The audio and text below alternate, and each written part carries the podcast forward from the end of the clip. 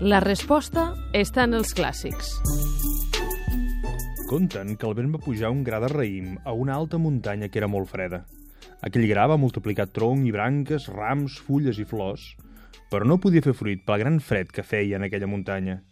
I com que ell havia pres principi, natura i ésser al peu de la muntanya, desitjava més estar en els llocs baixos que en els alts, per tal que pogués fer fruit i multiplicar la seva espècie.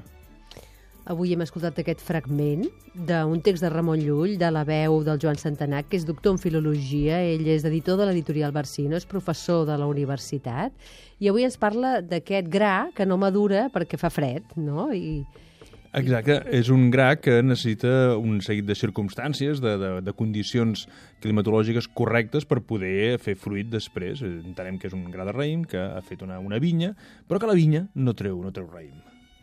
I quin és la, el, el que en podíem extreure de cara a parlar amb els nostres fills? L'arbre exemplifical, que és el text d'on d'on surt aquest, uh, aquest fragment, aquest passatge, és un, uh, un recull de uh, narracions en les quals hi ha una, una metàfora que cal extreure, hi ha una, un sentit ocult que cal extreure. I que el sentit ocult, uh, Llull s'adaptava en cada cas, però jo crec que per nosaltres és molt útil perquè ens ve a dir que cal que les circumstàncies siguin propícies per poder dur a terme un projecte si aquest projecte no té aquestes circumstàncies, per tant és molt possible que no acabi de fructificar.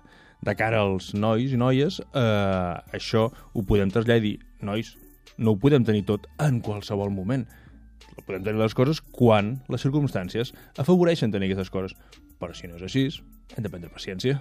Uh, I la paciència és una cosa uh, que els hi costa una mica, perquè Sí. volen les coses a l'ordre de ja. Però ja sabem que la paciència és la mare de la ciència. I tant. Eh, Per tant, millor anar treballant aquesta paciència. On ho podem trobar, això? Això ho podem trobar a l'Arbre Exemplifical, eh, és una versió adaptada per en Jaume Pons de l'Orda, que forma part de la col·lecció Tast de Clàssics de l'editorial Barsino, que al seu torn forma part de la Fundació Carulla.